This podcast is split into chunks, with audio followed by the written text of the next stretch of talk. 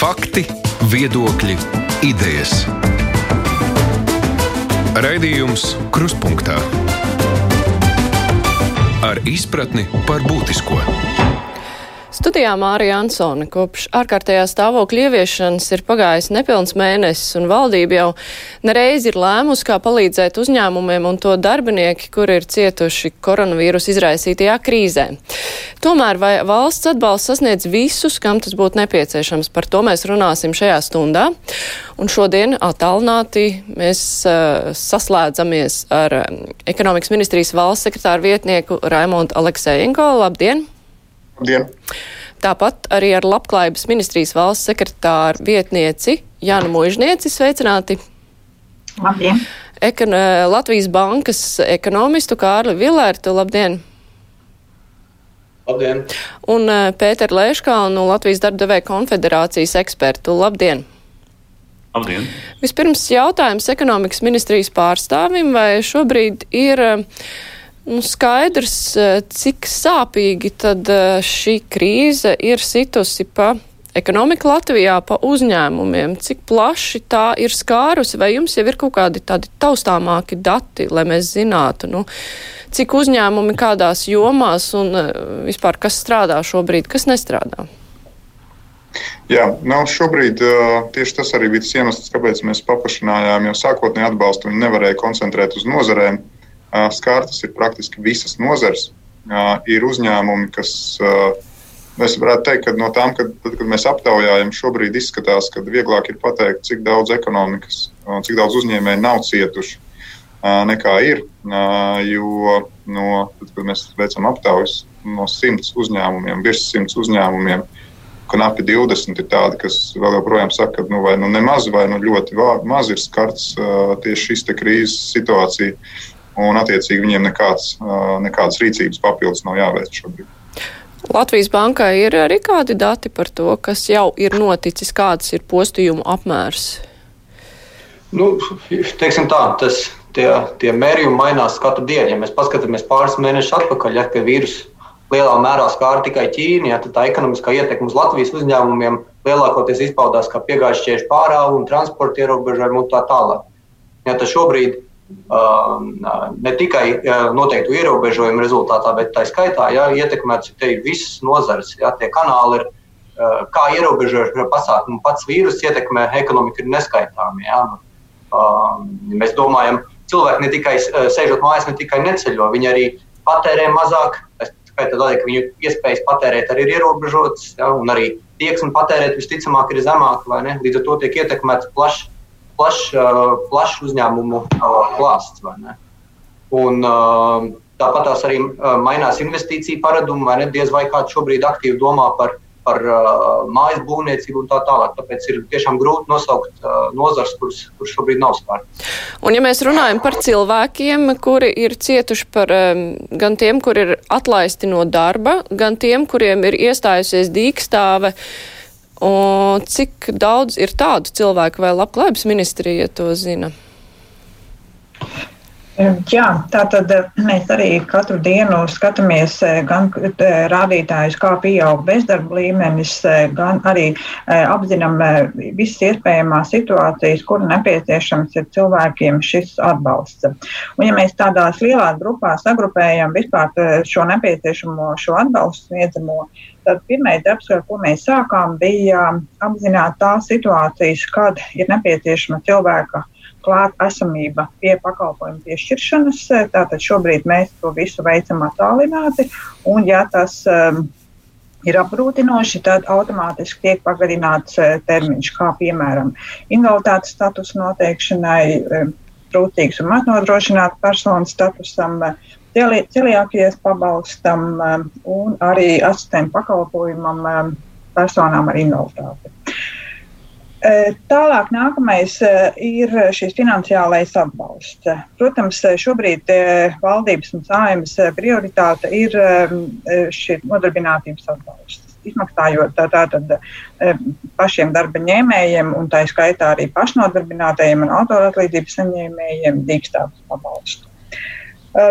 vienlaikus ir arī tātad, pieņemts lēmums par vecāku pabalstu pagarinājumu. Tātad tiem vecākiem, kuriem beidzās periods viens gads vai pusotrs gads, kad šī pabalsta izmaksa beidzās, tad attiecīgi uz krīzes laiku ir pagarināts vecāku pabalsts izmaksa, ja vecākiem, protams, nav iespējams atgriezties darbā. Un vēl noteikti ir, ko, ko es noteikti gribētu arī pieminēt, jau no pašām pirmajām dienām ir pieņemts tātad šis pašvaldības atbalsts krīzes situācijā, kur tātad netiek vērtēti personas visi ienākumi, bet jebkurā gadījumā uh, pašvaldībām ir brīvas eh, iespējas izmaksāt šo pašvaldības pabalstu, kur tātad 50% tiek finansēts arī no valsts, un apmērs ir atkarīgs no katras pašvaldības iespējām. Mm -hmm. Man jautājums arī darba devēja konfederācijas ekspertām, vai jums ir dati par to, cik daudz darbiniekus ir skārusi um, šī krīze, varbūt kuri nav atlaisti, bet kuriem ir nu, tik ļoti samazinājies darba apjoms, ka šī atlaišana draud un ir eh, krasi samazinājušies ienākumi, ko šie cilvēki saņem. Nu. Katrā ziņā tie uzņēmumi, kas pamatā ir eh, darbdevējas konfederācijas, tie pamatā tomēr ir lieli uzņēmumi. Un eh, tā liela uzņēmuma tā problēma ir tā, ka viņi cenšas saglabāt visus darbiniekus, iespēju robežās, cik vien tas iespējams pildīt uzņemtās līguma saistības pret tiem, kas ir pasūtītāji, preču noieta tir, tirgus, tik cik vien tas ir iespējams, un saglabāt iespējami daudz darbiniekus. Šeit ir tā problēma, ka, ja tas jau uzņēmuma gada plānos šāda situācija nebija iekšā, tad pie e, šāda te vienkārši pie samazinājuma, pie nu, Turklāt reizēm pie ļoti būtiska e, sniegtā apjoma e, teiksim, preču ražošanas vai pakalpojumu sniegšanas samazinājuma.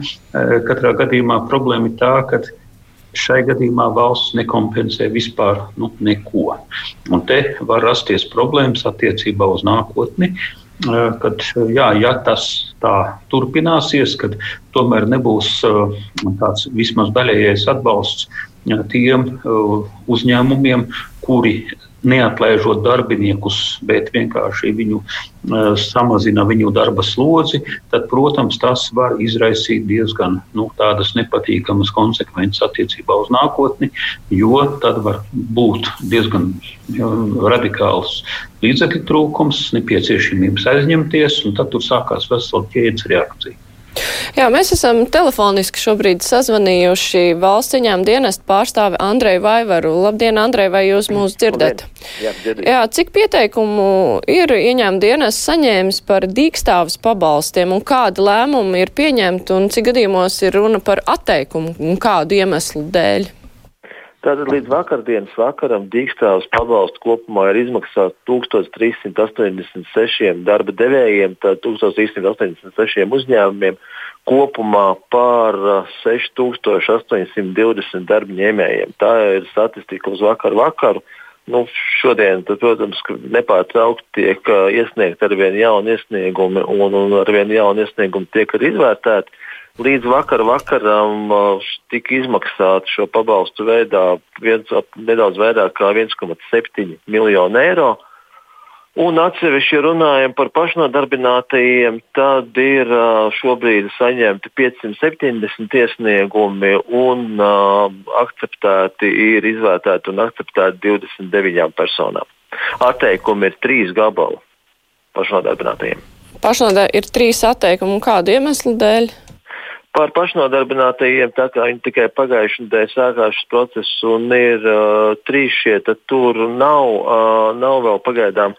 Mēs neveicam šādu statistiku, bet, ja runājam par pārējiem atteikumiem, kas ir uzņēmumiem, tad uh, nu, tur ir dažādi iemesli, ir nepietiekams apgrozījums, samazinājums. Nav iepriekšējās darbībās iesniegtas visas deklarācijas, ir nodokļu parādi un tā tālāk. Bet jau tā konkrētāk sakot, ir, nu, ir konstatētas vairākas uh, nu, nepatīkamas lietas, jo ir situācijas, piemēram, kad darba devējs ir saņēmis uh, ļoti mazu dīkstāvis pabalstu, mazāku nekā pat bija cerējis saņemt, jo izrādās, ka daļa algas ir maksāta aploksnēs. Uh, rekords, uh, negatīvais rekords, varētu teikt tā, ir, um, ka pabalsta lielums ir ap, aprēķināts uh, 4,60 eiro apmērā. Bet nu, no tiem 1386 uzņēmumiem, kas. Uh, ne, salīdzinot pareizāk sakot, ja 1386 saņēma šo akceptu dīkstāvus pabalstam, cik nesaņēma? Lai mēs varam salīdzināt. Jā, šobrīd oficiāli atteikumi ir 424 uzņēmumiem. 424. Un uh, cik daudziem ir nodokļa parādi, piemēram, un cik varētu būt saistīti ar kaut kādu sezonālu darbu, tā kā, piemēram, turismā ir dzirdēts, ka ir atteikts, tāpēc, ka ziemā nav maksāti nodokļi, bet tos parasti samaksā pavasarī.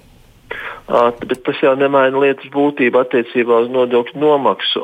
Nav tāda nodokļu režīma valstī, ka, jūs, ka uzņēmums varētu vairākus mēnešus no vietas nodokļus nemaksāt un pēc tam samaksāt par visu periodu. Tajā brīdī, kad problēmas rodās, ir jāvēršas valsts ieņēmuma dienestā ar termiņu pagarinājumu pieteikumu šis jautājums jāatrisina. Mm -hmm. Nav paredzēts nevienā brīdī, ka varētu dažus uh, mēnešus nelikties nezinis un tas samaksā par visu.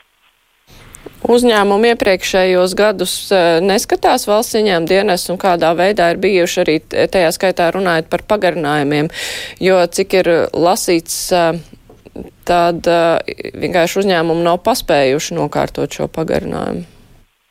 Um, ja pagarinājums ir vienīgā problēma, kas, kas ir, tad uh, šobrīd ir ļoti elastīga pieeja un uh, piesakot gan šo dīkstāvis pabalstu, gan automā uzreiz arī uh, termiņu pagarinājumu pieteikumu par, par parādu, kas ir izveidojies. To, tas ļoti operatīvi tiek izskatīts un atrisināts uzreiz abas šīs lietas. Mm -hmm. Paldies! Valsts ieņēmuma dienas pārstāvs Andrejs Vēvers uzreiz otrs telefons zvans. Mēs esam sazvanījuši uzņēmēju, kas saistās ar turisma nozari. Tas ir SIA KMK bus valdes pārstāvu Mārīta Krūmiņa. Labdien, Mārīta, vai jūs dzirdat mūs? Jā, labdien. Ja kā notiekošais ir ietekmējis jūsu biznesu un vai jūs esat pieteikusies dīkstāvs pabalstam un cik tas ir veiksmīgi bijis?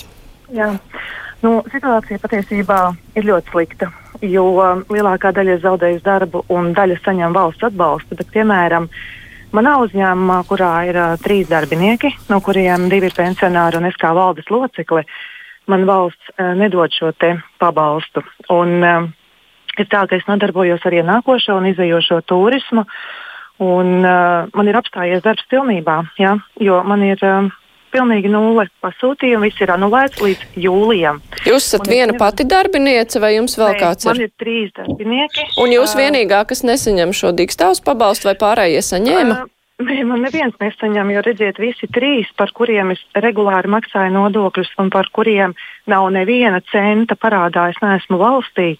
Neviens nesaņem, jo divi ir pensionāri, un tā ir atsevišķa tēma, tāpēc ka pensionāri uh, citkārt aiziet darbā, piemēram, ir profesijas neobligāti sasniedzot vecuma pensiju. Un iznāk tādi, duāli, nu, tādi dubultie standarti, kad um, Tad, kad iekasēt nodokļus no algas, tad valsts saka, ka mēs ņemsim no jums, bet tad, kad palīdzēt, tad nē. Un savukārt man, kas strādā uh, pilnu darba slodzi, saskaņā ar darba likumu ir noslēgts līgums starp mani kā uh, fizisku personu un man uzņēmumu kā uh, juridisku personu.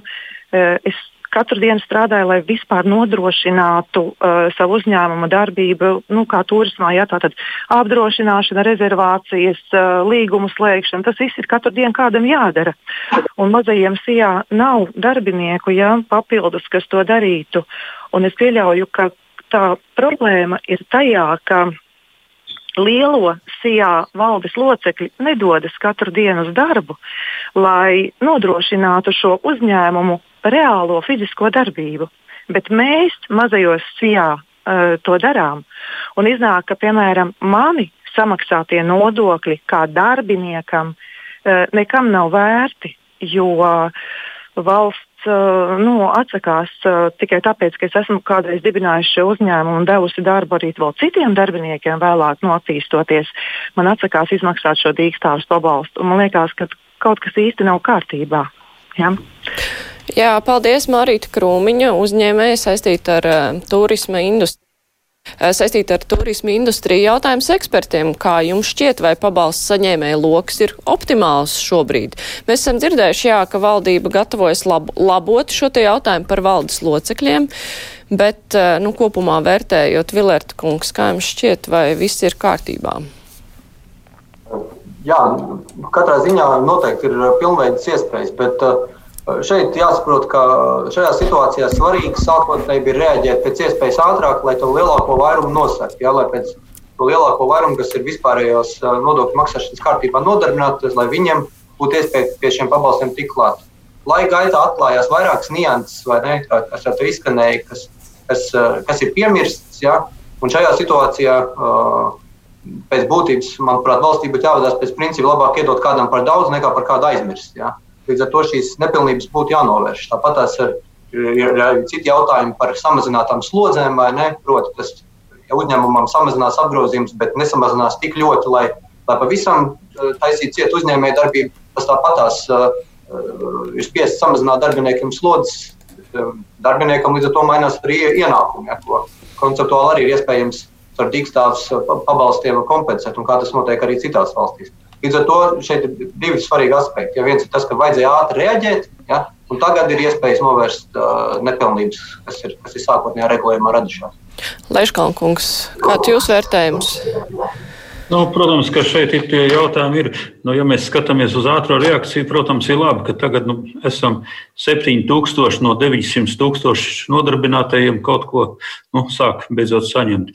Protams, tas jautājums attiecībā uz uh, pensionāriem, ja viņš ir strādājis un viņam tas ir bijis ienākums, un tas darba devējs viņu grib saglabāt arī darbā, tad kāpēc gan viņš ir sliktāks caur to, ka viņš saņem pensiju? Iespējams, ka pensija viņam pat nav ļoti liela, kā tas Latvijā nereti mēs gadīties, un tāpēc viņam liedz šo te pabalstu. Nu, tas arī, manuprāt, nav īsti labi. Protams, te ir vairākas tādas problēmas, teiksim, tas, ka, jā, kad, ja persona ir nodarbināta divās darba vietās, tad vienā ir iestājusies dīkstāv, otrā viņš turpina strādāt, viņš atkal nesaņem par to savu daļu. Nu, tā, tā proporcionāla daļa ir zudusi. Ja?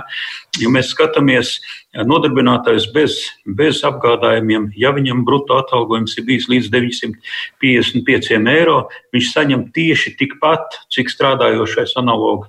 Parasti tomēr cenšas, kad ja ir nestrādā, tad tomēr maksā bišķiņu mazāk, vismaz lai ir kaut kāda starpība. Latvijā tā īpatnība ir tāda, ka starpība personām, kurām ir bērni. Teiksim, ja uz uz katru bērnu apgādnieks zaudē 50 eiro pret iepriekšējo neto algu, kas atkal ir nu, diezgan šķērsām. Es saprotu, ka demogrāfijas lietu centrs uz šo te vairāk kārtī vērsts uzmanību, un iespējams, ka jau ceturtdien valdība lems par to, ka vismaz ir kaut kāda piemaksa. Ja mēs skatāmies to dīkstāvus pabalstu maksimālo apmēru, tie ir 700 eiro neatkarīgi no apgādājuma skaita. Tātad, ja es esmu viens pats un man nav apgādājuma un man ir bijis 955 eiro uh, brutto, tad es dzīvoju taisni tikpat labi kā iepriekš. Bet, ja man ir bijis teiksim, divreiz lielāka alga, tāpēc, ka man varbūt ir četri bērni, tad šobrīd man vienalga ir 700 eiro, kas veido situāciju, ka man ir uz katru ģimenes locekli 140 eiro. Nu, tas ir atkal pilnīgi galīgi zem katras kritikas. Šādi ierobežojumi, ja viņi tika ieviesti, protams, tad bija jābūt nosacījumam, ka pa katru bērnu tiek palielināts tas maksimālais apmērs atbilstoši bērna minimālam uzturu līdzekļu apmēram. Tas būtu tikai normāli. Ja mēs vēl skatāmies arī ar šo 700 eiro ierobežojumu, protams, valsts mums ik pa brīdim saka, maksājiet nodokļus no pilnas algas, maksājiet ka, ja gadījumā kaut kas, tad jūs saņemsiet atbilstošas garantijas. Šajā gadījumā ar to maksimālo apmēru, tiem pašiem 700 eiro, valsts tomēr pasaka, nē, ja gadījumā kas, tad mēs tomēr vairāk rūpēsimies par tiem, kuri ir, kuru legālās algas ir uzrādītas mazākas, pat mazākas par vidējo, kas atkal ir mazliet diezgan, var teikt, ne, negluži labi. Vēl viena problemātika ir attiecībā Šis it kā ir domāts, lai mēs pabalstītu darbiniekus, lai viņi nebūtu spiesti iet prom no darba. Ja mēs skatāmies, uzņēmumam ir bijis pagājušā gadā kaut kāds pārkāpums, kas ir konstatēts, lielāks vai mazāks, naudas sots, administratīvais sots par to ir samaksāts. Nē, ņemot vērā, ka jums pagājušā gadā bija tāda lieta, ziniet, mēs jums nepiešķirsim, bet darbinieks jau pie tā īsti nav vainīgs. Ja? Tad, nu, tas atkal tāds kritērijs. Ja? Tā kā Jā, es jūs, es jūs mazliet pārtraukšu. Jūs uzskaitījāt vairākas problēmas. Man jautājums ir ekonomikas ministrijas pārstāvjiem, ka tika lemts un domāts par to, kā mēs atbalstam. Nu, tajā skaitā konkrēti cilvēkus, vai doma bija tāda, ka eh, galvenais nodrošināt, lai cilvēkiem ir kaut kāda ienākuma, nu kā piemēram gadījumos šeit ir minētie pensionāri, kur nesaņem dīkstāvus pabalstu, jo viņi ir pensionāri, lai vai cik maza viņam tā pensija būtu. Kāda bija tā ideja? Jo, protams, ka nevar kompensēt ienākumus uh, pilnā apmērā, kurus uh, varbūt cilvēks ir saņēmis tad, kad viss bija labi, bet kāda bija tā doma? Mm. Mums, kā ekonomikas ministrijai uh, un noteikti citām ministrijām, citiem uh, ir citas svarīgas lietas. Mums tajā brīdī, kad mēs sākām darbu pie šī instrumenta, pats svarīgākais bija, uh, lai būtu instruments cik ātri vien iespējams tirgu, kas palīdz uzņēmumiem, tad, kad ir jāpieņem lēmums īstermiņā. Jo, jebkurā gadījumā mēs neplānojam, ka tas būtu ļoti ilgtermiņa pasākums nepieciešams divu, trīs mēnešu laikā atlaist darbiniekus vai tomēr saglabāt šos darbiniekus neizmaksāt viņam atlaišanas kompensāciju, nepārlikt viņus uz uh, sociālo budžetu un pēc tam nemeklēt atkal no jauna. Uh, un uh, tā vietā palīdzēt uh, ar finansēm šo lēmumu nepieņemt uzreiz. Uh, tas ir attiecīgi saglabāt darba vietas, saglabāt uh, šos darbiniekus. Tas bija galvenais mērķis. Tāpēc arī sākotnēji visi šie nosacījumi, kas attiecās uz, uz, uz, uz uzņēmumu uzņēmumu grupām, kuras varētu saņemt. Bet šobrīd jau ir skaidrs, ka nu, te precīzi izskanēja, te ir virkni lietu, kuras ir, un vēl noteikti vēl kādas uzradīsies, kuras būtu jālabo. Pirmkārt, mazie uzņēmumi un valdes locekļi, kas tiks tūlīt grozīti. Bet ir, zinām, apmēram kritēriji, kas Jā. skaitīsies tie mazie uzņēmumi, kuriem tad drīkst? Jā, līdz desmit darbiniekiem. Pārējie kriteriji saglabājās visi tādi paši, kādi viņi ir. Tas nozīmē, ka tā uzņēmumi. kundze, ar kuru mēs runājām, uzņēmēji, ja viņai Jā. ir trīs darbinieki, tad divi pensionāri un viņa pati, tad vismaz viņa, viņa pati varēs vēlreiz pieteikties Jā. un viņa varēs saņemt pabalstu Jā. arī par Jā. to dīkstāvu, kas bija līdz tam. Jā, mm -hmm. šis ir uz atpakaļ arī darbojās, tā kā uh, viss ar šo te būs kārtībā. Uh, un, kā ar uzņēmumiem, un kā ar uzņēmumiem, kur darbinieki cieši, jā, uzņēmums varbūt ir grēkojis, bet cieši darbinieki, vai par viņiem nav jā, jādomā? Ir, mhm. jā, ir jādomā, bet, kā jau es minēju, ar visu, ar vienu instrumentu mēs neatrisināsim. Tas, kas attiecās uz sociālām garantijām, uz to, kas ir jānodrošina, tas ir jānodrošina. Bet šis instruments sākotnēji nebija, tāpēc šajā instrumentā ir ir virkne sociālu lietu, kas varbūt šeit nestrādās. Mikro uzņēmuma nodokļu maksātāja ir otra grupa, kur noteikti tiks, tiks izlabota. Un tad tās tālākās lietas, kas jau pieminētas, man liekas, viss tāds diskutablākais turpmāk būs tieši šis jautājums par algas ierobežojumu.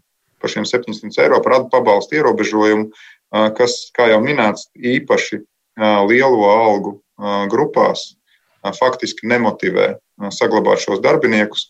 Protams, ir citi motivatori, šos darbiniekus ir grūtāk pēc tam dabūt atpakaļ, bet no tādas uzņēmējdarbības atbalsta viedokļa šis noteikti ir kritiskākais punkts, par ko būs jārunā. Jūs varētu paprecizēt, ko ir paredzēts vēl mainīt mikro uzņēmumiem un pašnodarbinātajiem? Mikro uzņēmumiem līdz šim dēļ tā aprēķina metodikas bija problemātiski saņemt šo pabalstu darbiniekiem. Tagad ir precīza formula, tā ir ļoti tehniska izmaiņa, bet uh, mikrouzņēmuma nodokļu maksātāji arī varēs saņemt šo atbalstu uh, relatīvi vienkārši. Uh, attiecībā uz pārējiem tas ir jau nākamo grozījumu jautājums. Šie te, ko es pieminēju, tie ir tuvākajā ministra kabineta sēdē visdrīzāk tiks pieņemti, un tad arī tad viņi stāsies spēkā. Mm -hmm. Kā labklājības ministrija vai redz trūkumus šajā te pabalstu saņēmēju lokā un kas būtu jāmaina no jūsu viedokļa? Jā, es arī tikai no savas puses varu pievienoties tam, ka sākotnēji mērķis bija maksimāli ātri sniegt šo atbalstu krīzes kartajiem uzņēmējiem un tā skaitā arī viņu darba ņēmējiem, un lai šī sistēma būtu maksimāli vienkārša no administrēšanas viedokļa. Tātad neieguldot ilgu laiku, lai izveidotu īpašas programmas, lai šos atbalstus varētu sniegt. Rezultātā, protams, mēs redzam to, kāda patiesībā mums šī nodarbinātības dzīve, ja tā var teikt, ir sarežģīta, un tie gadījumi, kas nāk šobrīd ārā, tiek risināti. Tātad ne, ne par velti katru nedēļu arī šie ministra kabineta noteikumi tiek grozīti, papildināti un tiek laboti sākotnējās šīs redakcijas. Un attiecībā uz arī pieminētajiem, tātad eh, šajā konkrētajā piemērā par pensionāriem, tātad eh, sākotnēja ideja bija arī noteikt, ka eh, nav šī dubultā izmaksa. Šeit mēs nerunājam par algu, ko saņem strādājot pie konkrētā uzņēmēja, bet mēs runājam par valsts atbalstu. Tā ir mazliet cita atšķirība. Bet tie rezultāti, tas, ko mēs redzam, kādi ir šie dīkstāvis pabalsti, kuri ir ļoti katastrofāli zemi, Tas patiesībā tiešām vieš arī tādas nopietnas bažas, nu, nākotnē raugoties, kāda ir mūsu vispār šī nodokļu maksāšanas kultūra. Bet ne par to šobrīd ir stāsts. Šobrīd mēs nešķirojam, sniedzam maksimāli šos atbalstus un arī pārskatīsim noteikti par šo citu izmaksu kopējo summu, tātad arī runājot par pensijām un citu veidu atbalstu. Un vēl arī šeit tika pieminēts par to, ka dīkstāta pabalsta e, apmērā nav ņemts bērnu skaits. Arī šis jautājums mums šobrīd ir, e, ja tā var teikt, uz galda un risinam un domājam, kādā veidā to maksimāli ātri un vienkārši varētu realizēt. Jā, mēs tūlīt iesim arī cauri konkrētām problēmām, kas gan klausītāju prāt, gan arī iepriekš ir, eh, kā ir cilvēki minējuši, kas nav risināts. Es tikai Atgādināšu klausītājiem un arī Latvijas televīzijas skatītājiem, ka šodien mūsu diskusijā piedalās no ekonomikas ministrijas valsts sekretāra vietnieks Raimons Aleksējenko, Labklājības ministrijas valsts sekretāra vietniece Jana Muižniece, Kārls Villerts no Latvijas bankas ekonomists un Pēters Leškāns no Latvijas darbdevēja konfederācijas. Raidījums Krustpunktā.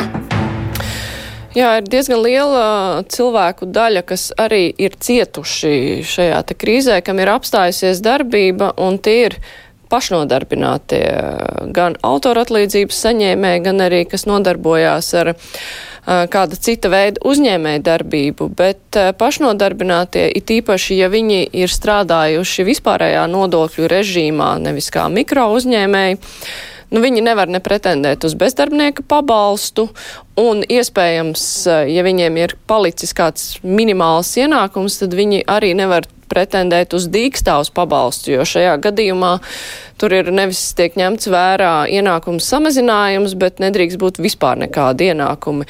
Vai jūs prāt, tas ir taisnīgi? Ņemot vērā, ka šie cilvēki maksā sociālo nodokli vismaz no minimālās algas, kāpēc viņi nevar pretendēt uz kompensāciju šīs minimālās algas apmērā? Jautājums varbūt vispirms ekonomikas ministrijas pārstāvim. Jā, um, slikts jautājums. Es atvainojos ekonomikas ministrijai par taisnīgumu, uh, jo šajā gadījumā uh, mums ir jādomā ne tik daudz par taisnīgu. Taisnīgi tas nav, bet tas ir jautājums tiešām par, atgriežamies atkal pie tā paša par ekonomisko pamatojumu. Pirmais un smagāk cieši tie uzņēmumi, kuriem ir daudz darbinieku. Tāpēc pirmkārt, un tie ir arī svarīgāki, lai cik tas nebūtu, neizklausītos varbūt slikti, bet tie ir arī svarīgāki ekonomikai. Un attiecīgi par viņiem pirmā rūpe. Paralēli šim, te, tad, kad aizgāja šis atbalsta instruments, kultūras ministrija, kas ir tieši ļoti cieši strādā ar ļoti maziem uzņēmumiem, mākslas, kultūras jomā. Viņi ir izstrādājuši risinājumu specifiski šiem te pavisam mazajiem, pašnodarbinātajiem cilvēkiem. Un šis instruments arī, es domāju, drīz būs absolūti jau lietojams un pieejams. Par taisnīgumu var runāt Labklājības ministrijas pārstāvu Mužnieces kundze. Okay.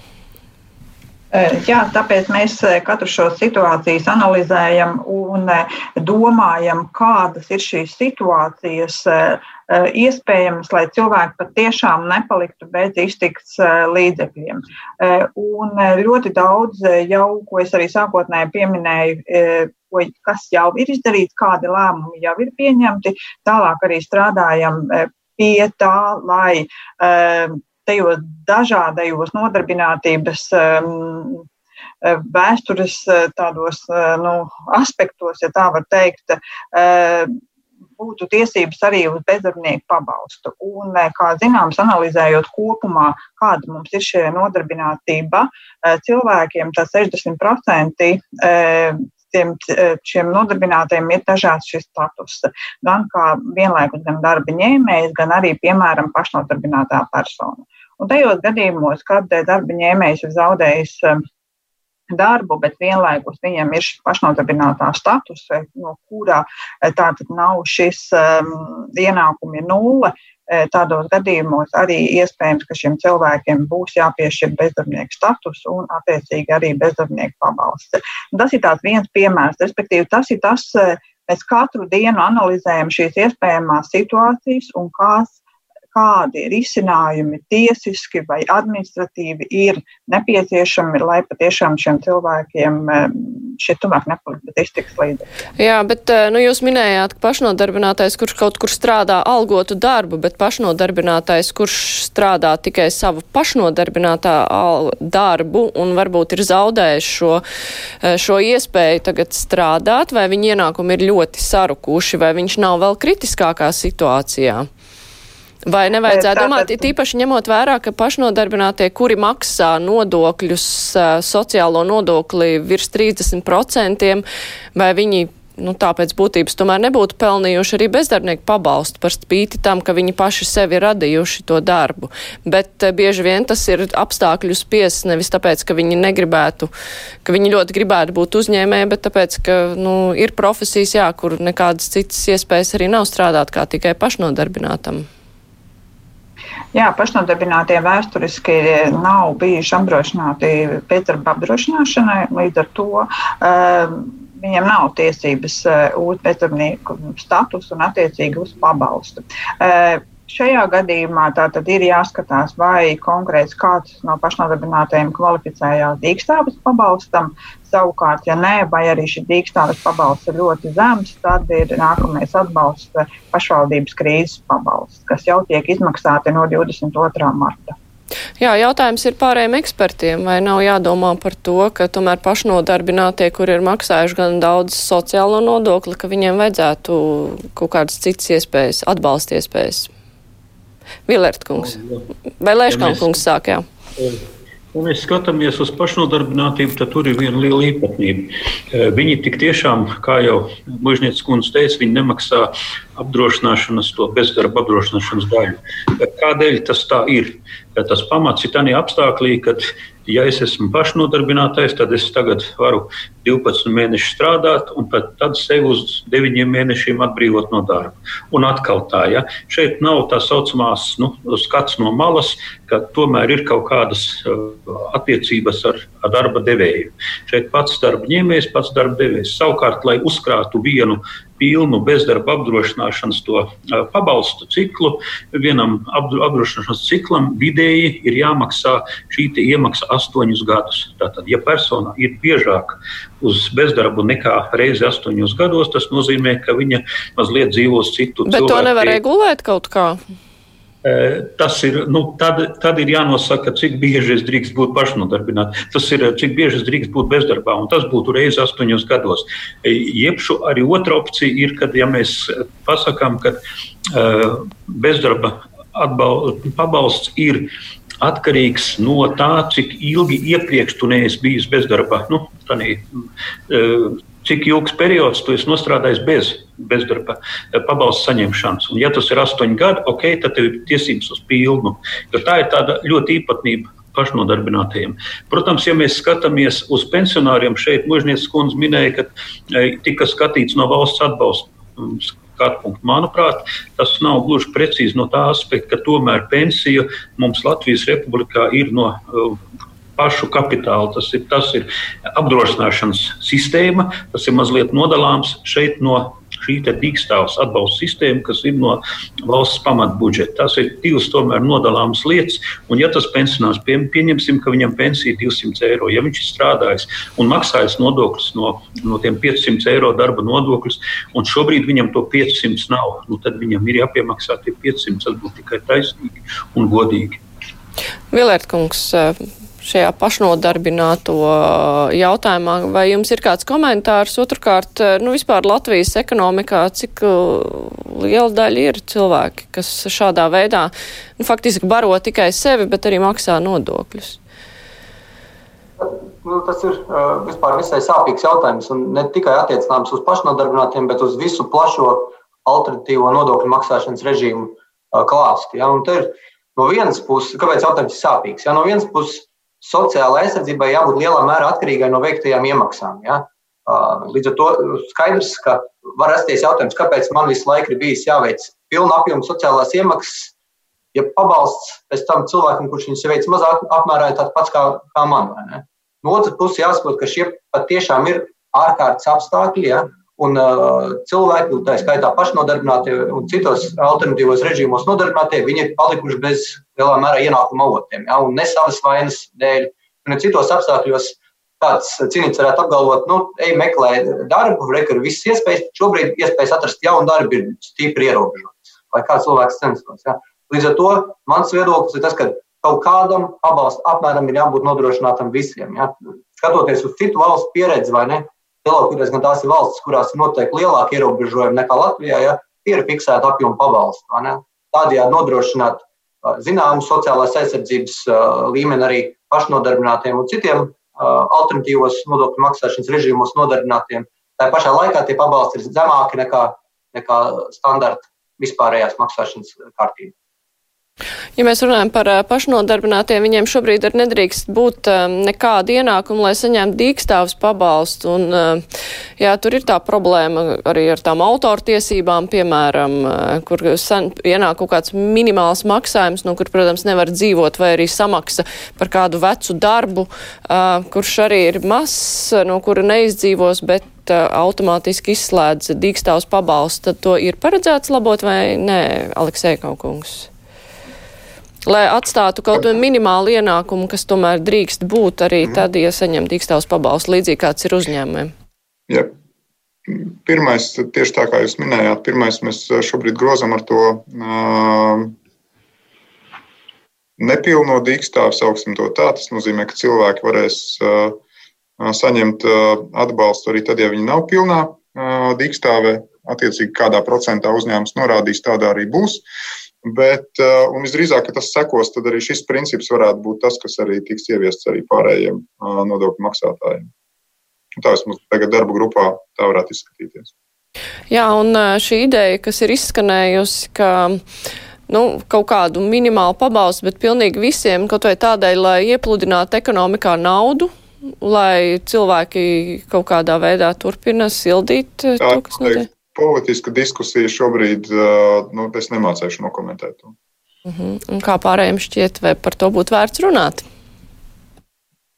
Nu, jāteic, ka šī te, nu, tas, ko mums vienmēr saka, ekonomikas sildīšana, iedodot cilvēkam vienu eiro, viņš eh, atdod caur nodokļiem atpakaļ tos nu, 17 centus caur pievienotā vērtību. Eh, tādā veidā tā eh, sildīšana ir diezgan švaka, jo ļoti bieži tā sildīšana notiek, ka mēs no kaut kādām pavisam tālām valstīm vedam šurp preces, lai sildītu patiesībā citu valstu ekonomiku. Mm. Ja mēs skatāmies uz to ekonomikas sildīšanas skatu punktu, tad tomēr parasti tiek tiek izvēlēts tas modelis, kad valsts šādos krīzes brīžos veids pasūtījumus, celtniecību darbu, nu, visādi tādi, kas ir nepieciešami ilgā termiņā. Un, nu, teiksim, pēc tās nu, Keynes teorijas, ja, ja mēs skatāmies faraona sapņa un jāzep skaidrojuma teorijas, tad, tad, tad ir tā, jā, ka tajos brīžos, kad valstī iet labi, tad tiek uzkrāts, un tajos brīžos, kad ir krīze, tad valsts veids pasūtījumu savām vajadzībām, lai nodrošinātu infrastruktūru un citas lietas. Bet tajā pašā laikā šādi nevar atbalstīt cilvēkus, kuriem šīs konkrētās krīzes dēļ nav iespēja strādāt. Jo viņi nevarēs strādāt arī tad, ja valsts viņiem kaut ko pasūtīs, jo vienkārši tīri tehniski tas nav izveicams. Normālā lieta ir tomēr, kad ir minimālā ienākuma līmeņa nosacījums, ka katrai personai valstī ir kaut kāds minimums, zem kura ne, nevar paiet apakšā. Mums ir vispār garantētā minimāla ienākuma pabalsts, bet viņš Latvijā ir ļoti, ļoti švaks. Ja? Labklājības ministrija jau ilgus gadus, ja nemaldos, septiņus gadus, ir centusies ieviest minimālā uh, ienākuma līmeņa koncepciju. Šogad tas atkal nu, izdevās ar tādu mazu solīti tikai tā virzienā paspēt. Protams, ka līdz tam mums jānonāk. Bet, un tā pats svarīgākā valsts rūpe ir parūpēties par tiem, kuri objektīvu iemeslu dēļ nevar sevi nodrošināt. Šobrīd ir tas brīdis, kad objektīvie iemesli ir šis krīze kā tāda. Līdz ar to šim krīzes nu, brīdim vajadzēja valstī būt uzkrājumu. Valstī uzkrājumu nav, patiesībā ir parāds, ārējais parāds, kas nu, paldies Dievam, ir relatīvi neliels. Šobrīd valsts paņems papildu naudu, aizņemsies, lai nodrošinātu, ka tie cilvēki var dzīvot cilvēkcienīgu dzīvi, kas ir svarīgi. Nu, tas būs tas mehānisms, bet, protams, ir jāvirzās konsekventi uz priekšu ar minimālā ienākuma līmeņa koncepciju, kura paredz galvenokārt lai nodrošinātu tos cilvēkus, kuri paši objektīvi iemeslu dēļ nevar par sevi parūpēties. Tas ir bērni, personas ar invaliditāti un vecuma pensijas, eh, nu, pensijas vecuma cilvēki. Ja? Objektīvi, plus vēl, protams, mudinātu pārējos meklēt iespējas gūt sev ienākumus caur darbu, jo tas ir tas nu, normālākais ienākumu gūšanas veids. Ja vien personai nav objektīvi iemesli, kāpēc viņi to nevar izdarīt. Un šobrīd, tā kā jau es teicu, Šobrīd ir tas brīdis, kad nevar gūt reāli ienākums, nevar atrast darbu, tāpēc ka vienkārši nu, nevar, nav, nav nepieciešams uh, darbroks, uh, jo nu, šīs krīzes dēļ. Jā, un tad, protams, ir labi, ka valsts uh, dara to, kas ir nepieciešams izdarīt, lai tie cilvēki varētu izdzīvot, jo mums viņi visi ir vajadzīgi un būs vajadzīgi jau tuvākajā nākotnē. Un, un, ta, un tas ir Un tas ir svarīgi. Jā, bet, kā jau teicu, minimālā ienākuma līmeņa koncepcija ir jātiek ieviestai uz, nu, uz pilnu klapu, ja varētu teikt, ar pilnu jaudu. Mm -hmm. Možģēns kundze, jums ir komentārs par šo? par minimālā ienākuma jā, koncepciju. Jā, tā tad šeit gan ir jānodala divas lietas. Viens ir jautājumi, kas iet vispārējā kārtībā, tos, ko mēs risinājām līdz krīzei, un runājot par minimālā ienākuma līmeni, tātad ir pats zemākais līmenis, lai aprēķinātu piemēram, minimālās pensijas vai arī pašvaldības sniegto šo atbalstu. Tātad, kā ir Leiškana kungs minēja par to, ka mums mazu solīti ir izdevies spērt uz priekšu un noteikti vismaz 80 eiro līmenī. Tātad arī, ja vairāk kārt varbūt izskan izbrīns, kādēļ, piemēram, šobrīd pašvaldības šis krīzes pabalsts ir 80, vai arī šo 80 mēs izmantojam citu um, rādītāju noteikšanai, tad eh, šis ir tas noteiktais eh, mazais solītis, kas, mums ir izdevies izdarīt. Un patiesībā jau šī esošā situācija, nu, tādā šķērtgriezumā, parāda, kādā situācijā mēs esam, gan ar to, kādus minimālos atbalstus varam nodrošināt saviem iedzīvotājiem, vai kāda ir mūsu nodokļu maksāšana kultūra. Bet es domāju, tad, kad mēs šo situāciju atrisināsim un šī krīze paies, tad mēs kopumā, gan individuālā līmenī, gan arī valstiskā līmenī, ļoti daudz secinājumus izdarīsim. Bet, eh, ja mēs runājam par šo pašvaldību krīzes pabalstu, tad, eh, principā, doma ir tāda, ka zem tā paies tad visi tie, kuri savukārt izkrīt cauri tam valsts atbalsta sietam. Tāda Jā, ir ideja. Tā, tāds ir arī domāts, un šobrīd arī paralēli tiek risināts jautājums, kā papildus piešķirt arī atsevišķi vēl par bērniem šo e, konkrēti pašvaldības krīzes pabalstu. Jā, mums e, klausītāji arī vaicā, kas notiks ar tiem cilvēkiem, kuri ir iestrēguši Latvijā, bet viņu darba vieta atrodas citā valstī. Vai viņi arī tad var iet uz pašvaldību un teikt, ka viņi ir iestrēguši, viņiem nav ienākumu, viņiem vajag atbalstu? Jā, šādus jautājumus arī mēs ministrijā saņemam. Vienīgais, ko mēs šobrīd varam ieteikt, tiešām griezties savā pašvaldībā, lai saņemtu šo atbalstu. Un kas notiek ar cilvēkiem, kuri jau ir bez darba, un tagad viņu izredzes atrast darbu ir vēl niecīgākas nekā bija pirms tam? Tātad nu, šobrīd ir jānogaida šī situācija, bet uh, es arī pilnībā negribētu piekrist, ka uh, vispār nav iespējams atrast darbu. Tātad tas, kas mums nodarbinātības valsts aģentūrā uzrādās uh, brīvās vakances, uh, ir. Un, protams, varbūt tās ir jāsamazina arī savas vēlmes vai tās nu, gribēšana kādā jomā strādāt. Šobrīd varbūt tās ir jāpieņem arī citādāk domājamais darbs vai, vai kā citādi.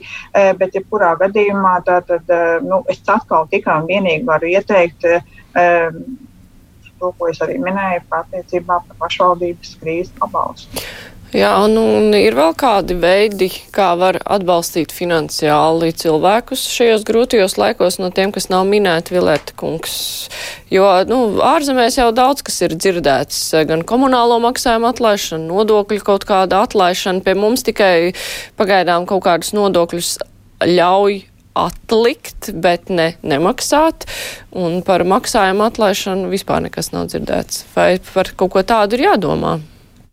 Es varbūt uh, nedaudz tā kā, tādu plašāku kopskatu, ja, jo, jo cerīgi raugoties nākotnē, gribētu ticēt, ka agri vai vēlu uh, šim pienāks beigas un arī ekonomika atkopsies. Ja. Līdz tam valsts pienākums ir principā, pielīdzināms mediķu uh, darbam, ja uzturēt, tikai uzturēt ekonomiku pie dzīvības, ja, līdz, līdz vīrusu pazudīs. Tas, ko, ko, Latvijas, ko Latvija ir darījusi šajā jomā, ir, ir lielā mērā salīdzināms ar to, ko darījušas arī citas Eiropas Savienības valsts, un dažos mēros pat ir atbalsts krietni lielāks. Ja. Un, principā, tie ir divi bloki, kas ir šobrīd tas, eh, kas ir būtiski, lai uzturētu ekonomiku pie dzīvības. Un viens ir tas, ir, uh, raugoties uz uzņēmumiem, tas ir valsts, uz, uh, valsts atbalsts, kas ir mērķēts, lai pēc iespējas mazāk uzņēmumu bankrotē un lai tie saglabātu pēc iespējas vairāk darba vietas.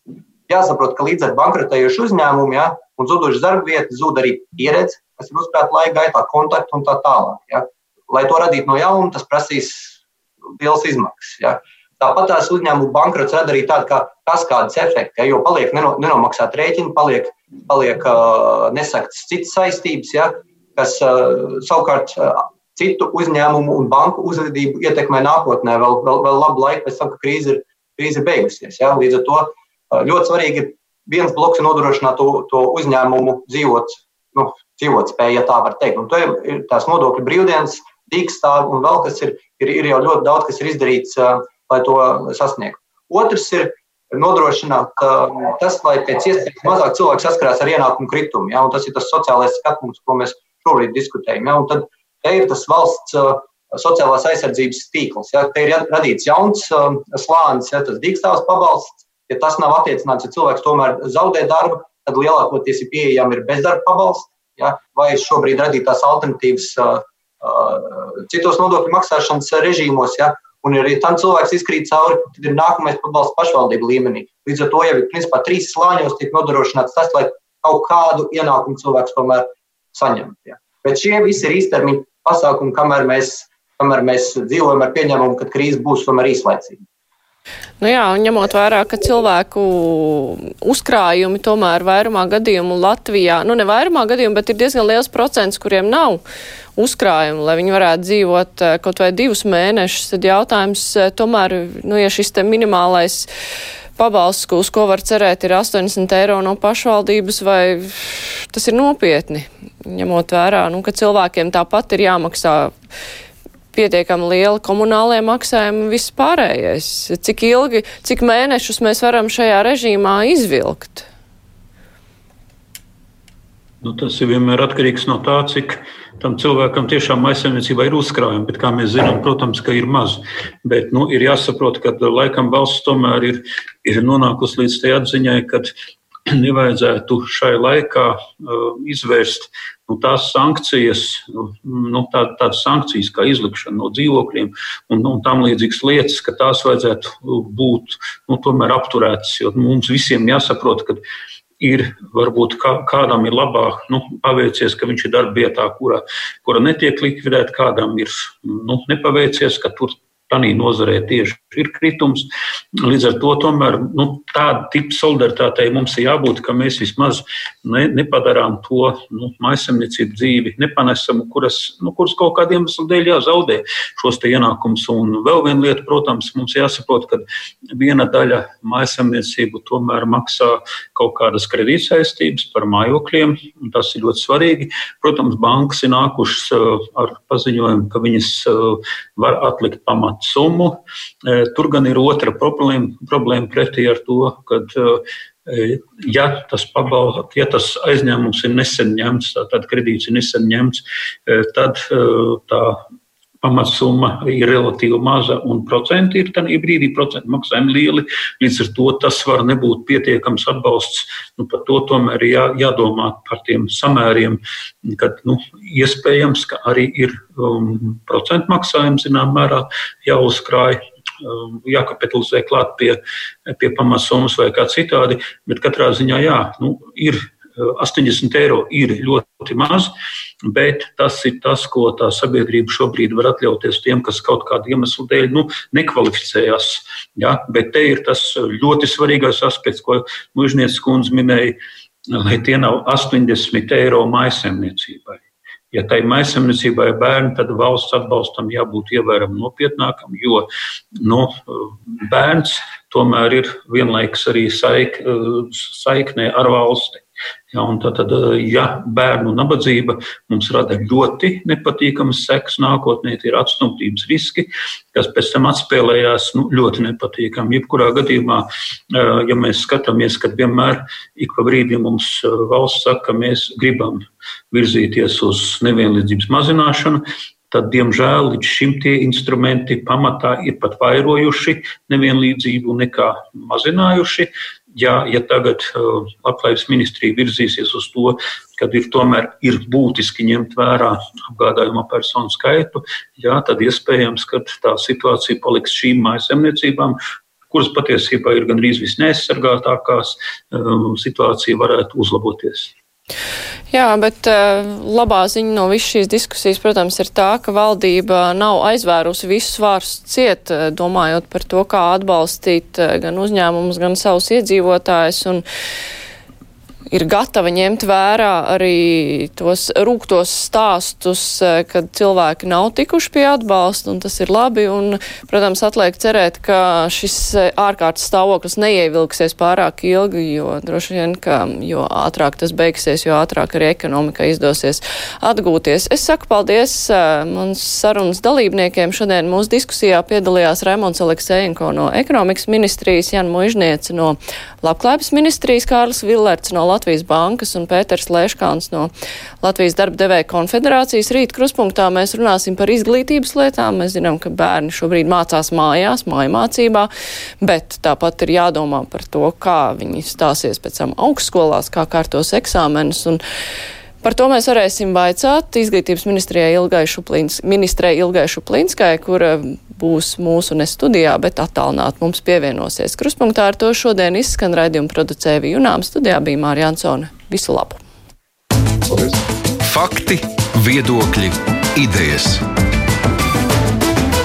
Raidījums Kruspunktā ar izpratni par būtisko.